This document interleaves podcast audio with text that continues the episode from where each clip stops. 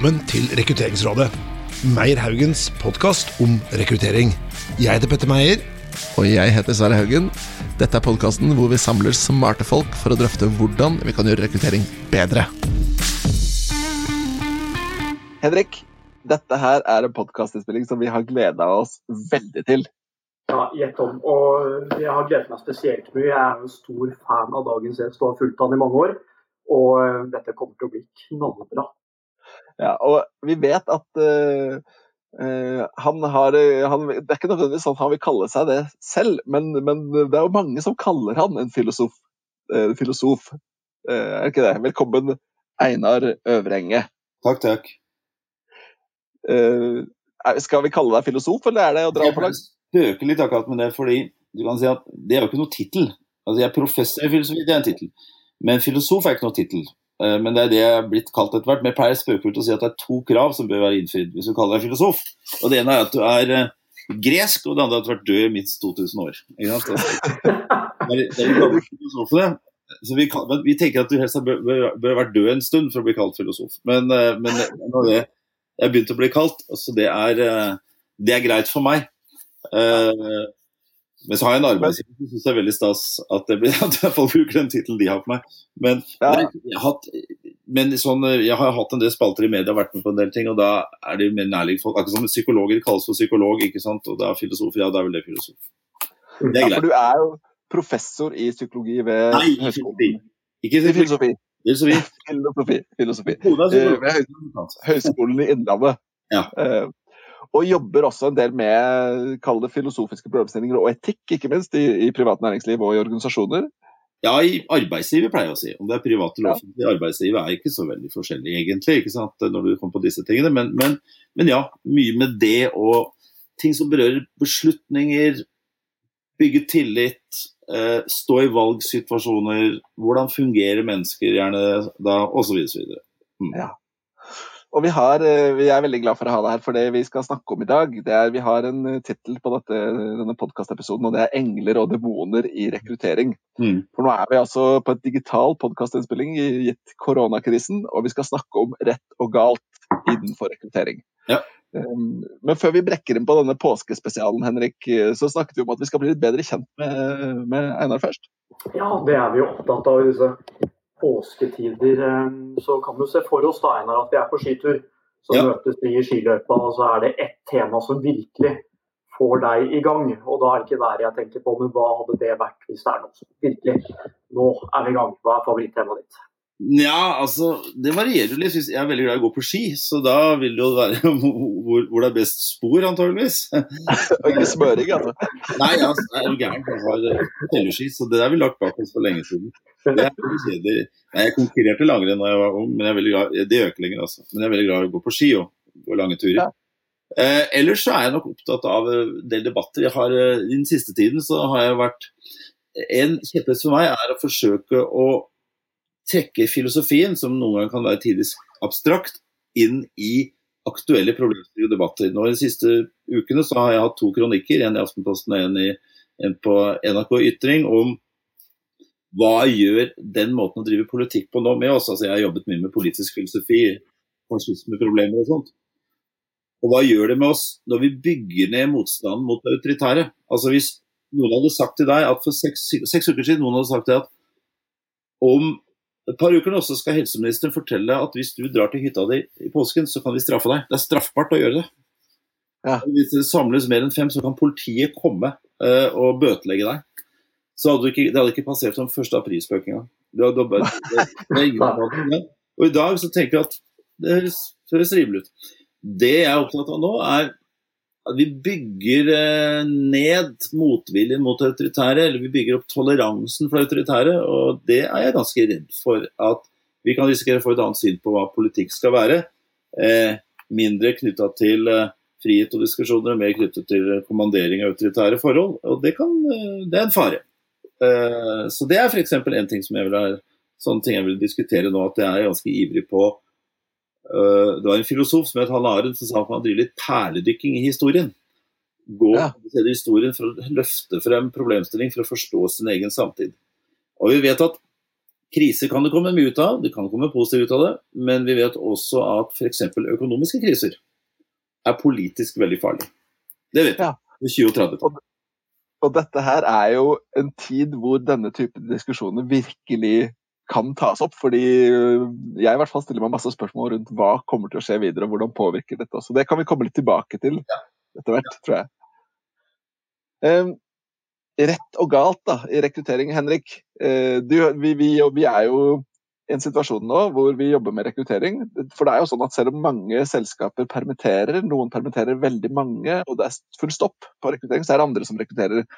Du har jo hatt litt forskjellige opplevelser når du nå er ute og kontakter folk. Kan ikke du si litt om det, Henrik? Ja, absolutt, det kan jeg gjøre. Det er en fin inngang til det hovedtemaet i dag. Og vi er i en heldig situasjon i Meyer Haugen hvor vi har oppdrag som løper, selv i krisetider. Og min erfaring nå når vi er ute og snakker med spennende profiler, er todelt. Noen er veldig glad for at man blir kontaktet, noen er i en vanskelig situasjon personlig.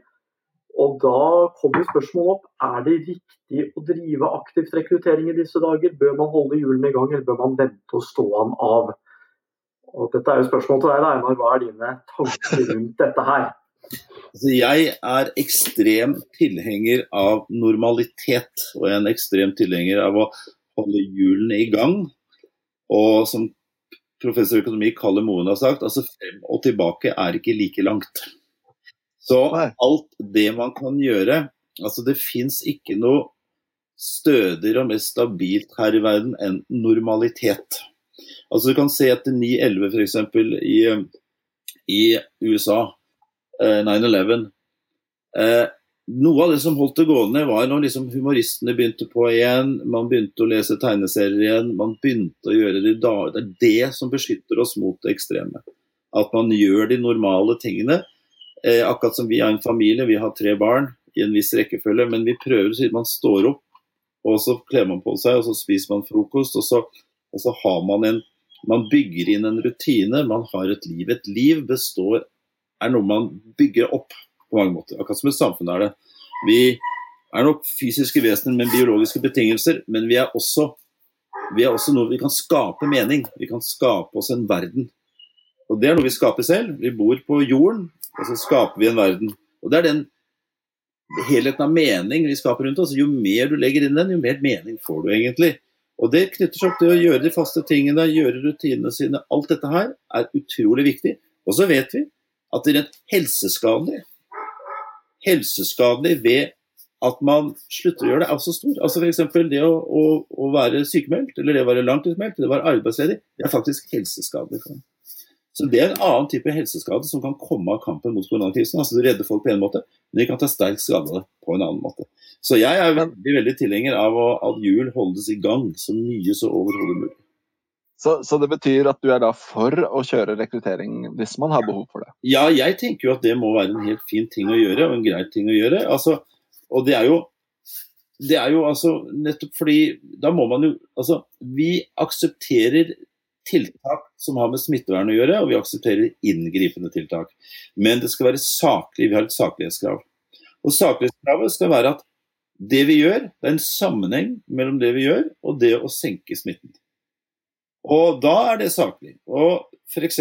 så kan du si at sosial eh, isolasjon, ja, absolutt. Distanse, ja. Hygiene, ja. Hytteforbudet, det er problematisk. Fordi det er ikke, ikke åpenbart at det senker uh, smitten. Det, det, er like stor sjanse for at det øker den. Der sliter vi litt.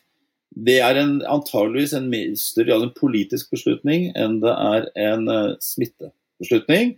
Og, og, nettopp en form for type kanskje misforståelse av hva et virus er. Poenget er at folk tror at, at det er som en orkan. At vi bare skalker lukene tre uker, så har det blåst forbi. Nei, det skal ta bolig hos oss. Det er hele poenget med viruset. Det skal ta bolig hos oss, vi skal alle bli smittet, og vi skal få motstand.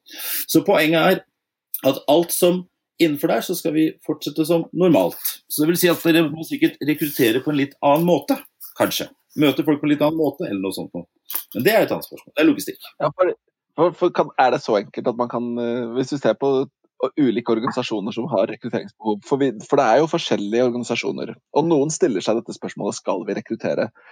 Eh, I en tidligere podkast vi hadde, så ble det nevnt at ja, så lenge du har liksom denne saklige grunnen, og det er kanskje den sakligheten du snakker om, Ja. la oss si at du jobber innenfor helse, du jobber innenfor logistikk eller matvareforsyning, Ja. da er det plausibelt, da er det greit. Men hvis ikke du har noe som hjelper til med problemet, så kan det være mer risikabelt. Ja, det er jeg helt uenig i, faktisk. Fordi, fordi, Ja. fordi det, er, det er to måter å jobbe med dette viruset på. Det ene er at man må jobbe direkte, de som jobber direkte inn for å begrense det. Okay? Det er helt sant nå. Men de er avhengig av et samfunn som fungerer. Ja. Alt det andre må fungere. Altså, det er omtrent som å si du må ha noen skattebetalere. Altså. Du kan si at vet du hva, jeg gidder ikke å betale skatt pga. koronasmitten, altså, men det funker jo ikke. Så, så nei, altså rundt alt dette her så må du ha et fungerende samfunn. Så jeg vil si stikk motsatte. Alt som ikke øker smittefaren, er selvfølgelig greit.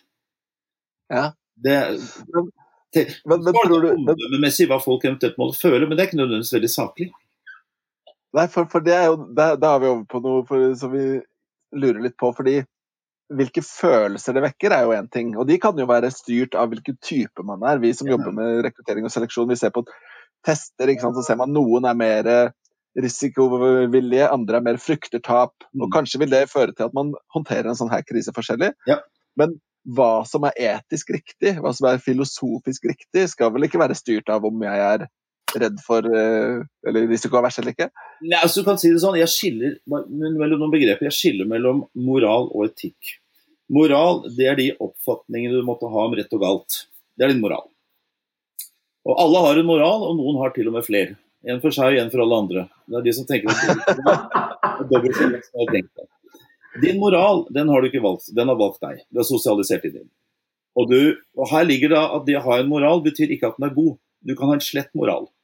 Det er masse moral i kriminelle miljøer, f.eks. Masse moralske koder der, f.eks. å ikke tyste. Altså, ikke? Men de fleste mener at det er gal moral. Um, så du kan ha en totalt ufyselig moral. Det går fint an, det. Så etikk det handler om å forsøke å begrunne denne moralen og se om den holder vann. Da driver vi med Ja.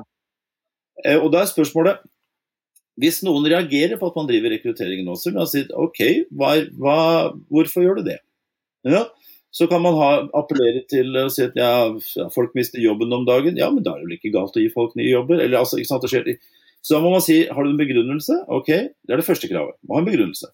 Andre kravet du må ha en, sak, må ha en saklighetskrav til begrunnelsen. Og jeg sier at det er fire måter å begrunne på som vi ikke skal akseptere. Nummer én Hvorfor gjør du det her? Fordi det ikke er forbudt. Det er, sant? Mange tenker at Man legitimerer handling ved å peke på at det ikke er forbudt, og det er å legge lista lavt.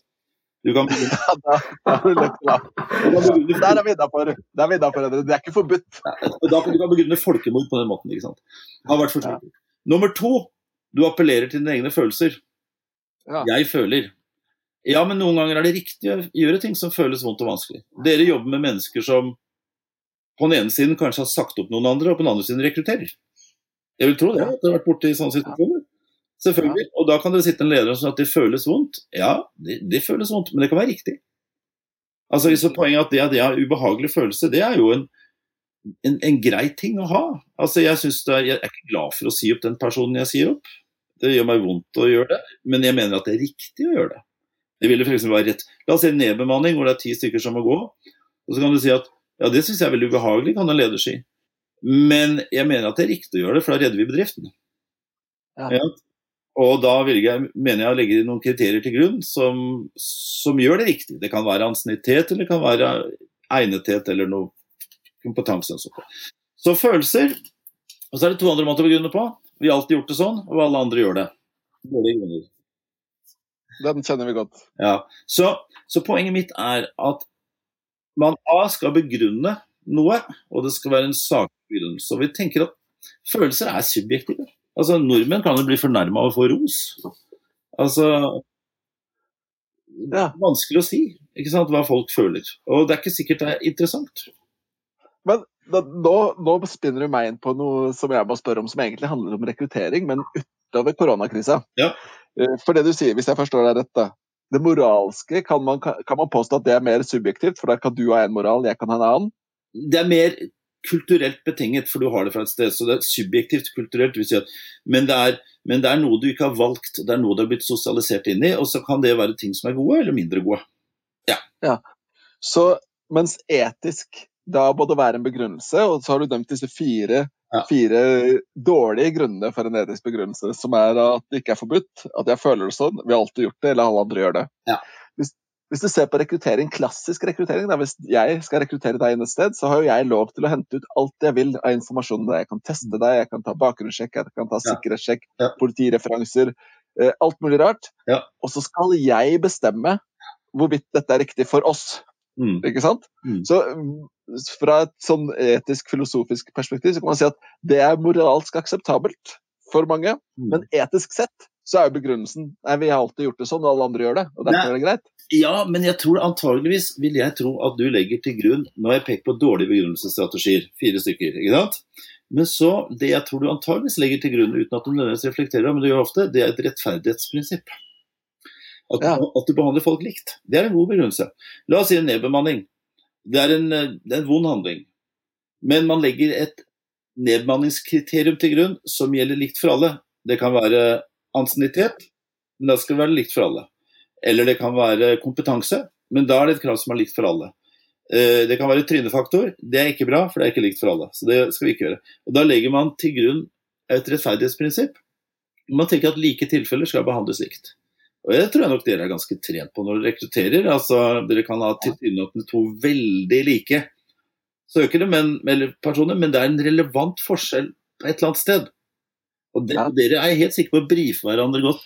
Går jeg i fella fordi jeg liker den ene bedre enn den andre personen nå? Jeg kan godt tenke meg at dere er klar over den faren, at dere faktisk liker noen, liker en person bedre enn en annen, og så tenker at det gjør personen mer egnet fordi du liker den. Men det er jo ikke sikkert. Men det tror jeg dere er klar over. Ja? Vi, er, vi er, prøver i hvert fall å være veldig bevisste. Ja. Det er jo Og si at det kan godt være mm. Mm. Og akkurat nå er vi inne på noe veldig spennende, Einar, og det er dette med magefølelse. Og vi møter den ofte. Ja. At det før- førsteinntrykket kan eh, blende over resten av rekrutteringsprosessen. Mm. Og Der er vi interessert i å høre dine tanker, og derfor er vi opptatt av testing, strukturerte intervjuer osv. Mm. Men man har gått på krigsskolen, rekrutterende leder har gått på krigsskolen. Mm. Da er vi gjort. Mm. Så magefølelse og, og den effekten som det gir, den møter vi ofte. Hva er dine tips der? Det har jo vært forska på magefølelser. Kahneman, ikke sant, disse her, altså atferdsøkonomi og sånt noe, som viser seg at uh, den, uh, og det å ta raske beslutninger basert på magefølelse er antakeligvis ikke det beste. Ja. Mens det, hvis du virkelig går løs på ledere og snakker med dem, så er de fort på magefølelse. Det er ikke noe tvil om det. altså og noen sånne heuristikker og tommefingerregler de bruker jevnt over. Eh, og det er alt, altså Banalt nok så kan du si at det å tenke seg om funker. Uh, å tenke seg om på en systematisk måte funker. Det er et poeng rent sånn hermenøytisk, hvis vi går til forståelseslæren, altså hva er det som foregår når vi forstår, så har vi en, det vi kaller en førforståelse i alle situasjoner, en umiddelbar helhetsforståelse. Du ser en person, og dette vet dere alt om, og så bruker vi tre-fire sekunder på å tenke at denne personen liker jeg, eller denne personen liker jeg ikke. Og så vil det da påvirke vår fortolkning av alt den personen gjør videre, og så kan vi gå i bekreftelsesfellen. Eh, jeg, har vært, jeg har ikke ofte vært med ansett noen, for jeg er fullstendig ubrukelig som leder. Men, eh, men, eh, men det er en innsikt som har vært god å få med seg. Men jeg husker jeg var med å ansette en person. Nå må jeg si det i så dulgte former som mulig, men jeg, hvor i hvert fall det var feil person, men vi, var så, vi begynte å bedrive det vi kaller kognitiv dissonans veldig fort. For det var tross alt vi som hadde gjort det. Ja. Vi klappa hverandre på skuldra veldig veldig lenge og sa at dette er en skikkelig bra person. Det klassisk conformatory bias. Ja, ikke sant? eh, Så vi drev ganske lenge og fant ut at eh, Og da så, så Magefølelse, altså hva nå det er. Det er klart at det er ikke en ren følelse. Vi tenker at det er en, en kvalifiserende følelse, altså en erfaringsbasert. Men erfaringene våre er eh, Vi bruker jo de selvfølgelig i stor grad som navigasjonsverktøy, men, men de kan like ofte få oss til å ta grundig feil. Det er ikke noe tvil om det. Men hvis vi, hvis vi tar dette et hakk videre da, og, og ser på eh, rekruttering i koronatider Nå sitter jo vi og gjør denne podkasten fulldigitalt i hvert vårt hjem, Mm. eh, med sosial distansering som er moralsk og etisk forsvarlig, Mm. vil jeg håpe. Eh, men det er jo Fram til nå, tror jeg, så har i hvert fall min oppfattelse vært at alle ledere jeg har rekruttert for, de ønsker å møte personen fysisk Mm. før de faktisk kan ansette. Ja. Og så blir jo det interessante spørsmålet er det virkelig sånn at vi må lukte på folk før vi kan rekruttere dem. Ja, til en viss grad så tenker jeg det. Eh, Jeg tenker at vi mennesker, vi, vi dyrker jo visse sanser, kan du si, i vår eh, kultur. Altså de to sansene vi dyrker, er jo selvfølgelig syn og hørsel. Ja? Ja. Men akkurat som jeg tror ledelse F.eks. så tror jeg det finnes en del ledere nå som lurer på hva det vil si å være leder. For jeg, sitter, jeg, jeg kan ikke møte de jeg leder. Jeg har Ja. kontakt med de over nett og sånt nå. Hvordan er jeg leder da? For jeg tror veldig mye ledelse, i motsetning til administrasjon, ledelse, det er, det er fortsatt en sånn personlig touch der. Måten du hilser på folk når du møter i gangen, måten du slår av så en vits på, eller eventuelt ikke gjør det. Altså måten du synliggjør din personlighet på som en hel person, eh, på alle mulige måter. Eh, det har stor betydning for hvordan vi, vi virker inn på hverandre. Og det er klart at det skulle være veldig morsomt å det Du kan ikke forske på det, antageligvis ikke, men å forske f.eks. På, på, på, på rekruttering og kroppslukt. Ja. Ja, for der er det jo, er det jo det, kan man jo ikke snakke om, antageligvis. Men det skulle være Ikke sant? At det ikke har en viss Ikke sant? Eh, hvis det er noe som helt åpenbart eh, lukter, det kan si, lukter offensivt, ville det påvirke denne personens muligheter? Den ville gå gjennom alle Ja. tester, absolutt alt, med bravur.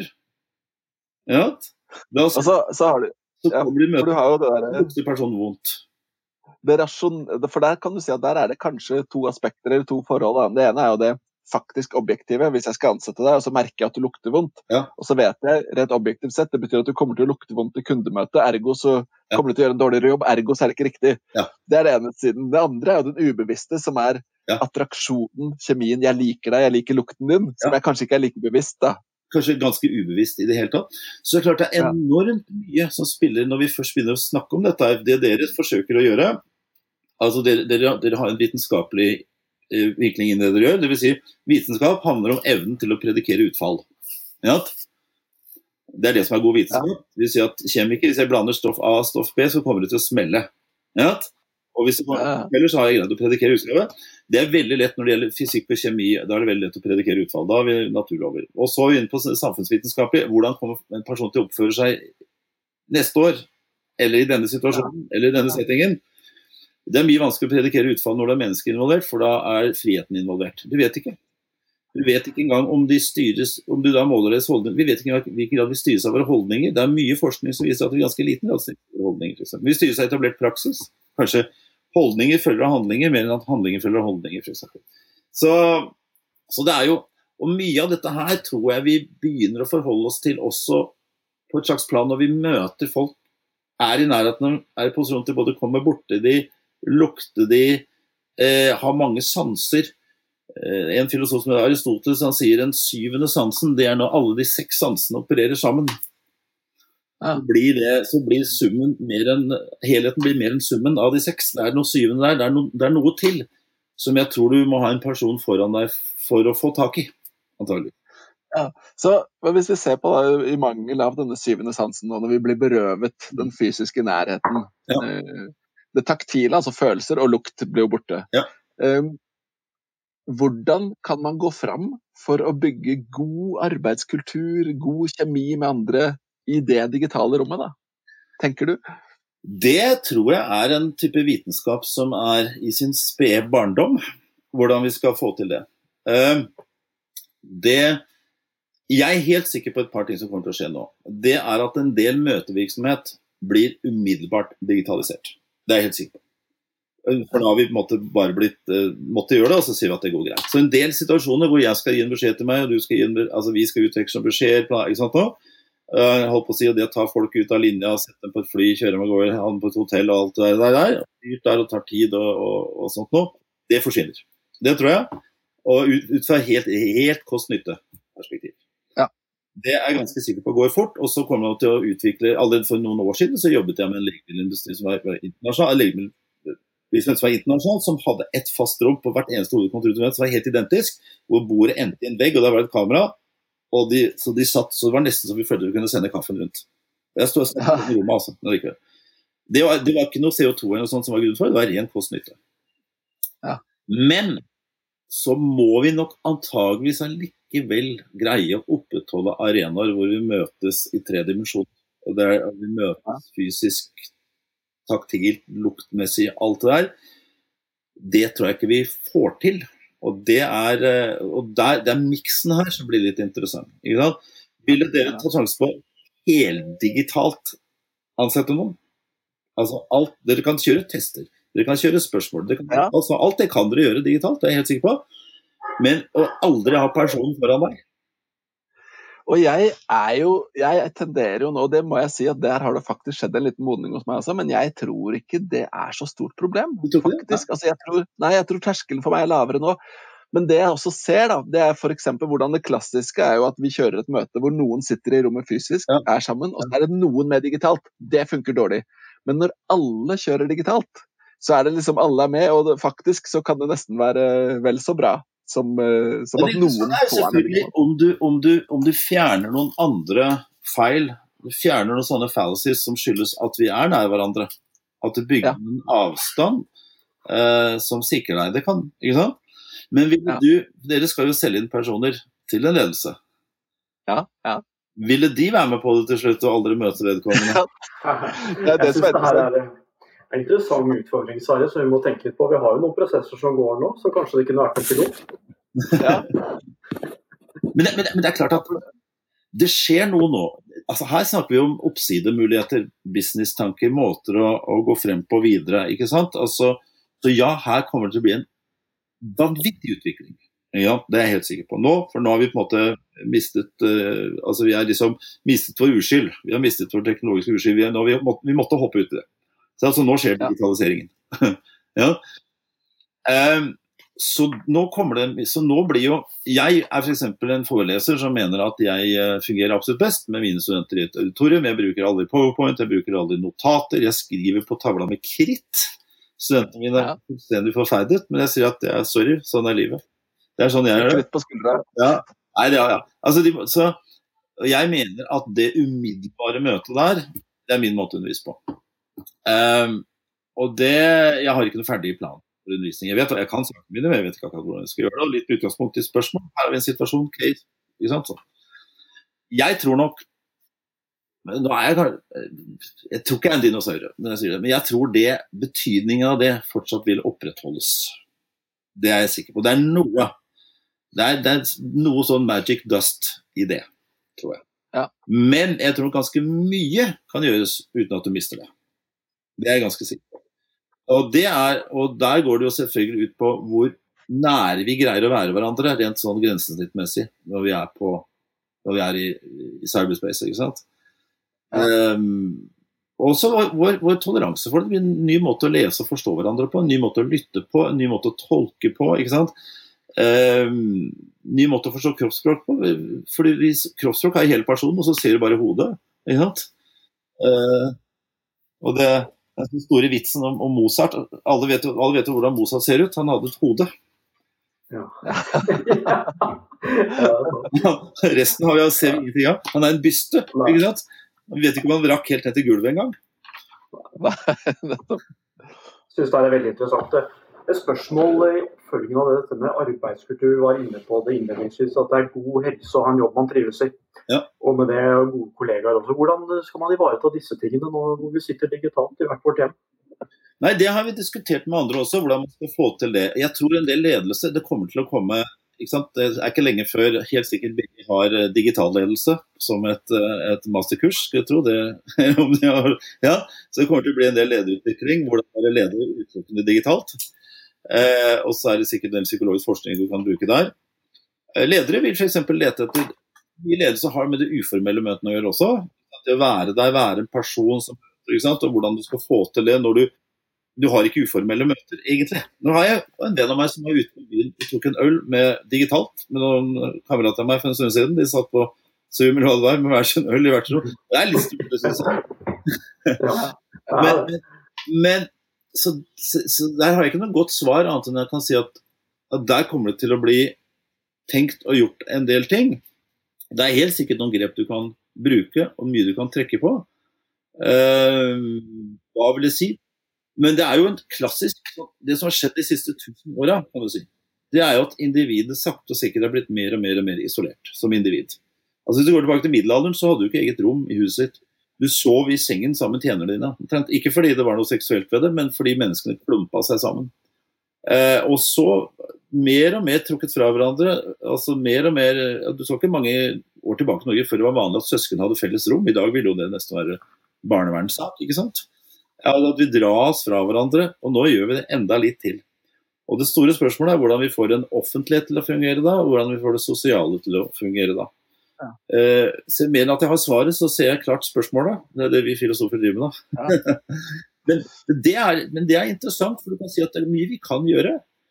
Men jeg har tro på, og, jeg har tro på hjemmet. Det som er interessant med denne koronakrisen, at vi ser at noen gamle strukturer som kommer på plass igjen, vi har to ressurser vi bruker for å, for å slå viruset.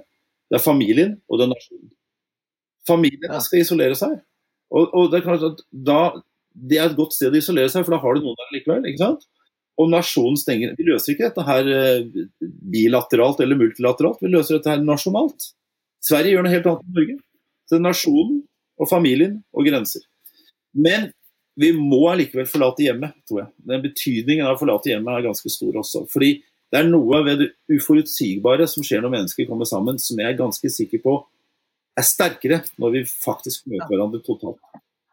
Ja, for Det er noe med den, det, det, aspektet av ledelse som du sier, som man mister. da, fordi Det er et begrep i vanlig klassisk ledelse 'management by walking around'. Ja. At du bare beveger deg litt rundt, snakker litt og er synlig. Ja. Det mister man jo. Eh. Og betydningen av det, når folk snakker om å bli sett og ikke sett, så er det gjerne i sånne settinger. Det skal lite til å ha en opplevelse av å bli sett. Det er noe som, ja. Ja, det betyr ikke at noen spør eh, deg inngående om helsetilstanden din, eller noe sånt. Nei. Men eh, Henrik, eh, vi har jo, nå har vi jo vært litt innom også hvordan vi tror dette kommer til å påvirke oss og forandre oss videre framover. Vi, vi, hadde jo tenkt å ta, spørre, noen, spørre, om tre, tre, tips fra filosofen nå etter hvert når vi begynner å gå inn for landing. Er vi kommet dit nå, eller er det noen flere ting vi skal innom, syns du Henrik? Ja, det, det, tror jeg vi er. Og nå er det en snau uke til påsken. Ringer ringen, eh, Einar. Og vi har jo tre spørsmål til filosofen. Ja. Dine tips til en god påskekrim, dine tips til hvordan bevare husfreden. Den er høyaktuell for oss alle ja. i disse tider. Og sist, men ikke minst, hvordan beholde den indre flammen ved like når det er som mørkest. Påskekrim så vil jeg sterkt anbefale Ozark. Det er en serie Ozark. Ja, Ozark som går på Netflix. Altså, eh, nå er eh, nå er vi i gang med sesong tre, så hvis du ikke har sett de første, så kan du binche, som vi sier. Altså, da kan du den den sett, men eh, det er jo en sånn type litt ny serie hvor du sitter og heier litt på Altså, alle er slemme, ikke sant? There's no good guys. Eh, og hvor du ser hvordan hvor enk, nei, dette, nå skal jeg ikke, Du ser hvor enkelt en ganske normal enkel person kan, uh, tre inn i rolla som, uh, ja, som, som, som deltaker i et narkokartell. Liggende her. Det er, det må sjekkes ut. Det er en veldig bra serie. OZARK, definitivt. Nå, nummer to, det er, altså filosof, det er, jo, det er jo etisk interessant, fordi altså, man tenker jo at, at uh, din karakter uh, beskytter deg på en måte mot ting. Er vi, er vi nå på husfreden? Nei, vi, er på husfreden. På den siste. Og det, men du ser at nei, omstendighetene påvirkes så sterk. Altså, altså, nød lærer naken kvinne å spinne. Altså, vi har, men vi glir over. Vi har enorme ressurser til det onde, selvfølgelig, men også til det gode. Så vi er ikke låst av noe. Eh, og, så Det bringer meg til det siste spørsmålet. Jeg kan ta det spørsmålet imellom. Husfreden. Ja, hva er det? Ja. Vi er jo da to voksne, tre barn og en irsk setter. Eh, den iske skjetten har en funksjon, for det er snart at den er snart redd, redd, lei av å gå tur, for alle vil ut og gå tur med ham. men, men, eh, men, eh, det er jo, det er jo Men vi har jo alle kommentert at eh, jøye meg, det blir jo ikke så mye ufred. Det blir mye mindre enn vi skulle tro. Og det er for at familien har blitt litt sånn produksjonsenhet også. Den har fått noen oppgaver. Altså Den moderne familien har jo ikke noen oppgaver annet enn å dra på ferie sammen. ikke sant? Nesten. Nå er det noe være hjemme uten at det er ferie. Du skal være hjemme, men du skal gjøre skole. Du skal være hjemme, altså, du skal gjøres jobb. Og det kanskje å innse, det måtte bare husfreden få, det er at, man, at hjemmet er også et sted hvor alle har noen oppgaver. Altså Det er dette med å holde hjulene i gang. altså Det har jeg veldig tro på. Eh, hvor man har et mål, altså. Eh, så det er ganske viktig. Men nummer tre, altså da er vi tilbake til det nummer én. Altså, det er lett for meg Jeg, jeg er jo ansatt, jeg er professor ved en høyskole, så jeg er ansatt i det offentlige, så jeg er jo økonomisk beskyttet. Eh, og, og, det, og, det, tenker vi er helt naturlig, men, det, altså, men, det, men, vi må jo se på hvem som betaler prisen for den måten å slå ned virus på. Og det er jo veldig mange som befinner seg i ekstremt vanskelige situasjoner. Det er ikke noe tvil om det. Eh, og holdt på å si På den ene siden så mener jeg at staten skulle bare pøse ut penger. Fullstendig. Uh, for å holde hjulene i gang. Altså, jeg tror ikke folk innser altså, Det vi vet helt sikkert, er hvis middelklassen taper pengene sine, så er det politisk veldig farlig. Det vet vi. Men så kan man jo alltid si at det, Norge er et land som i utgangspunktet er godt rustet. Eh, man, man eh, tenker at det fins Det er hele tiden også muligheter. Eh, de fleste det var Harald Stanghell som sa om sitt hjerteinfarkt at det er ikke å anbefale, men når du først får det, så kan det hende at du lærer noe av det. Ja, og Det er jo det synet her at det kan jo få en type refleksjon som jeg og min kone også har hatt. og sagt, ja, Må vi leve det livet vi lever? Ikke sant? Eh, jeg tror kanskje mange tenker i baner Kan jeg forenkle livet mitt? Ja. ja. Eh, hva, hva, er viktigst for meg? Hva er det som gir mening? Hva har jeg lyst til å gjøre? Hva er det, hva er det jeg brenner for?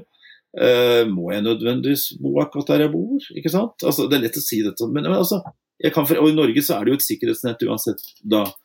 Så, så, jeg tenker jo Man kan jo forsøke å ha den vinkling på det, men jeg skal passe meg vel for å sitte her og belære folk som er i veldig vanskelige situasjoner. Uh, uh, for det er, å, det er lett å gjøre det. Men jeg har en, et spørsmål jeg skal stille tilbake, og det er følgende. Alle de som i dag er i som tar de vesentlige beslutningene i den krisen her. Absolutt alle sammen. som tar, og det vil si eh, regjering, storting til viss grad og hestedirektorat. Alle de er økonomisk trygge. Alle sammen. Anta at det hadde vært motsatt. Anta at alle de som tok disse beslutningene, selv umiddelbart hadde mistet jobben, blitt permittert, havnet i Nav-kø, måtte selge huset sitt. Hadde de tatt den samme beslutningen da? Det et veldig godt spørsmål. Eh, eller kanskje er det egentlig gitt, hva svaret er? Hvis det er gitt, så er det problematisk. Ja. Da, hva tror du selv? Er det gitt? Da mistenker vi at de som tar beslutninger på vegne av det offentlige, styres ganske sterkt av egeninteresse. Ja, det er et veldig, veldig bra spørsmål. Og nesten litt skummelt å svare, svare på, på live. Må ikke gjøre det. Men la det henge som et spørsmål. Ja, og jeg syns det er en veldig fin Ja, det er jo, men det er jo et, ja, det er et veldig klassisk spørsmål. Da. Vi, jeg tenker det kunne vært interessant å, å prate mer om denne type problemstillinger senere med deg, Einar. fordi det er jo en relevant problemstilling inn i rekrutteringsbransjen. Hva vil du? Eh, men det har ja, og, og, litt sånn det klassiske perspektivet i rekruttering er jo at vi skal selektere og velge ut den rette personen inn til en rolle for en bedrift. Ja. Men vi får penger hvis vi lykkes. Ja. Så er vi da objektive, eller hvor objektiv blir man? Jeg jobber med en annen gruppe som er på samme måte, for jeg, jobber, jeg har jobbet veldig mye med, med revisorer. Og revisor er en kontrollfunksjon, men kunden kan når som helst si opp revisor uten begrunnelse hvis kunden ikke er fornøyd. Ja. Så det, dette er et interessant, det er, interessant Her er det mye, mye, interessant å følge opp også for lytterne. og Jeg syns spørsmålet tilbake fra filosofen, og kombinert med de tre tipsene, ja syns er en fin inngang til påskehøytiden vi nå nærmer oss. Ja. Uh, og tusen takk for en veldig fin halvtime, Einar. Veldig hyggelig. Og uh, ja, Sverre. Takk for nå. Og hold motet oppe. Da er det bare å holde hjulene i gang. Skal gjøre det. Veldig, veldig bra. Hjertelig takk for innsatsen. Hei, hei. Ha det bra.